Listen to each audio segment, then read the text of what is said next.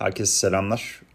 Global bazda tahvil getirilerindeki yükselişler devam ediyor. Dün ABD'den Ağustos ayına dair açık iş pozisyonları verisini aldık. E, bu veri 9.6 milyon ile 8.9 milyon piyasa beklentisinin oldukça üzerinde. Bu da tabii direkt e, istihdam piyasasındaki dengelenme bozuluyor mu? Higher for longer FED açısından.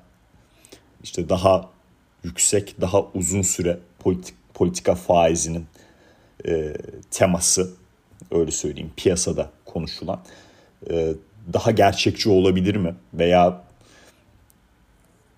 büyüme tarafında riskler çok daha az mı? Yumuşak iniş gerçekleşme durumu bu olasılık daha mı fazla? Yorumlarına neden oldu. Ve otomatikman tahvil getirilerinde çok sert bir yükseliş yaşadık. Zaten bu tahvil getirilerinde yani Eylül ayında FED toplantısı sonrası artan belirsizlik ve volatilite ile bu ama para politikası başlıca yaşanan durum ile e, zaten bir süredir e, bir yükseliş e, içindeydik. Bu durumda tabii hisse senedi piyasasına negatif yansıyor. S&P 500'de işte yapay zeka teması muhteşem yedili endeksi ve o hisselerle daha güçlü kalmaya devam ediyordu. Ama dün muhteşem yedili endeksi de %2'lik bir e, kayıp yaşadı. Şimdi bu yapıda tabii bugünkü e, işte gidip 10 yıllıkların seviyesine vesaire baktığımda 4.87'yi gördü. Burada bir miktar politika tarafı da öne çıkıyor. Yani e, politika tarafındaki riskler ve e, belirsizlikler de artıyor. Bunu niye söylüyorum? ABD'de de Temsilciler Meclisi sözcüsünü görevden aldılar. Yani bu gerçekten çok sert bir politik hamle. Ee, yani hükümetin kapanmaması için yapılan o işte 45 günlük geçici anlaşma herhalde bazı çevreleri ciddi olarak rahatsız etmiş durumda.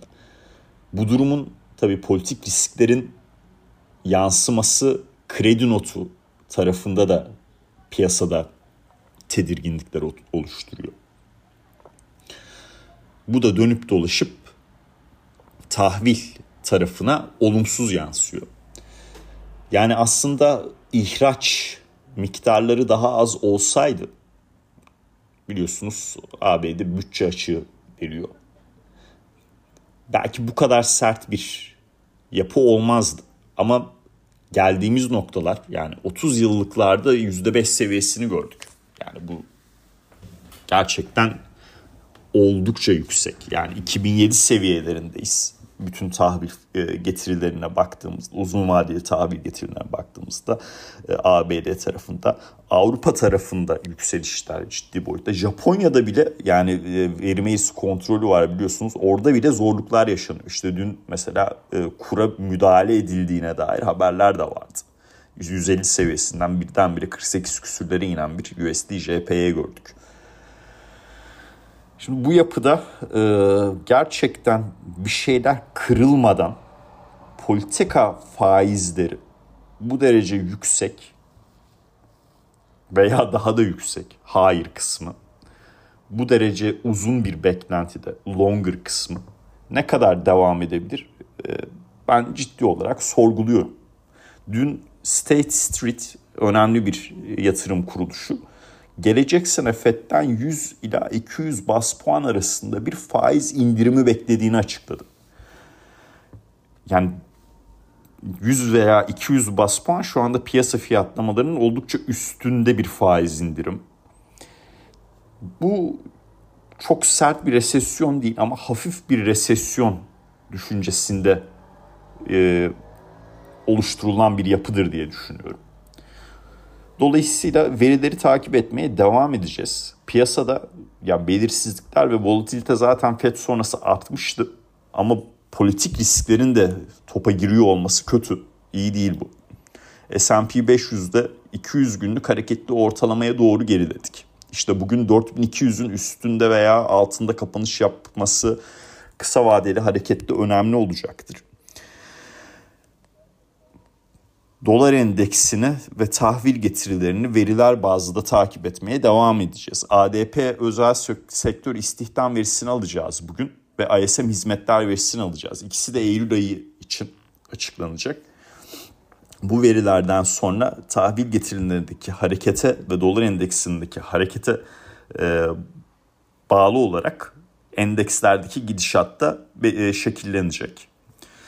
E, dün Tradeall sayfasını ekledim. Visa ile ilgili. Tabii fiyatlamalar yani çok e, orada yazdıklarımdan farklı noktaya gitmiş olabilir. Dünkü satış gerçekten endeksteki satış e, yani yüksek derecedeydi. Muhteşem yedili hisselerinden de kayıp yaşanması e, biraz böyle bu tahvil getirilerinin bu seviyede artık daha mı çok endeksleri negatif yansıyor sorusunu arttırdı. Ancak Generative AI tarafında Visa'nın 100 milyon dolarlık bir girişim sermayesi fonu ayırması bence önemli bir haber. Geleceğe dönük. Bunu bir miktar değerlendirmek lazım. Onu, o e, analize de e, Trade sayfası üzerinden bakabilirsiniz. Ee, bugün veriler geldikten sonra bir ayrı bir podcast daha e, çekmeyi planlıyorum. ADB istihdamı e, ve ISM hizmetler verisinden sonra e, kısa bir veri analizi şeklinde bir podcast paylaşacağım ve tahvil getirilerine biraz daha yakınan veriler sonrası ne noktaya doğru evrildiklerine dair bir paylaşımım olacak. Kısa vadeli düşüncede yani ben çünkü orta uzun vadede bu higher for longer temasına açıkçası çok inanmıyorum. Bunu da önümüzdeki zamanlar veya işte e, haftalar, aylar e, gösterecek. E, yani geçmişte hep böyle sert tahvil hareketleri bazı şeyleri kırmış. Break things. Bunu da böyle özetliyorlar. Facebook açısından Move Fast and Break Things vardı. FED açısından da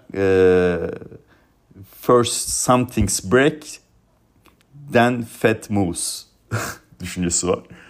Yani bir şeyler kırılacak mı? Ee, hep beraber e, izleyeceğiz. Dediğim gibi verilerden sonra bir yayın daha paylaşacağım. Dinlediğiniz için çok teşekkürler.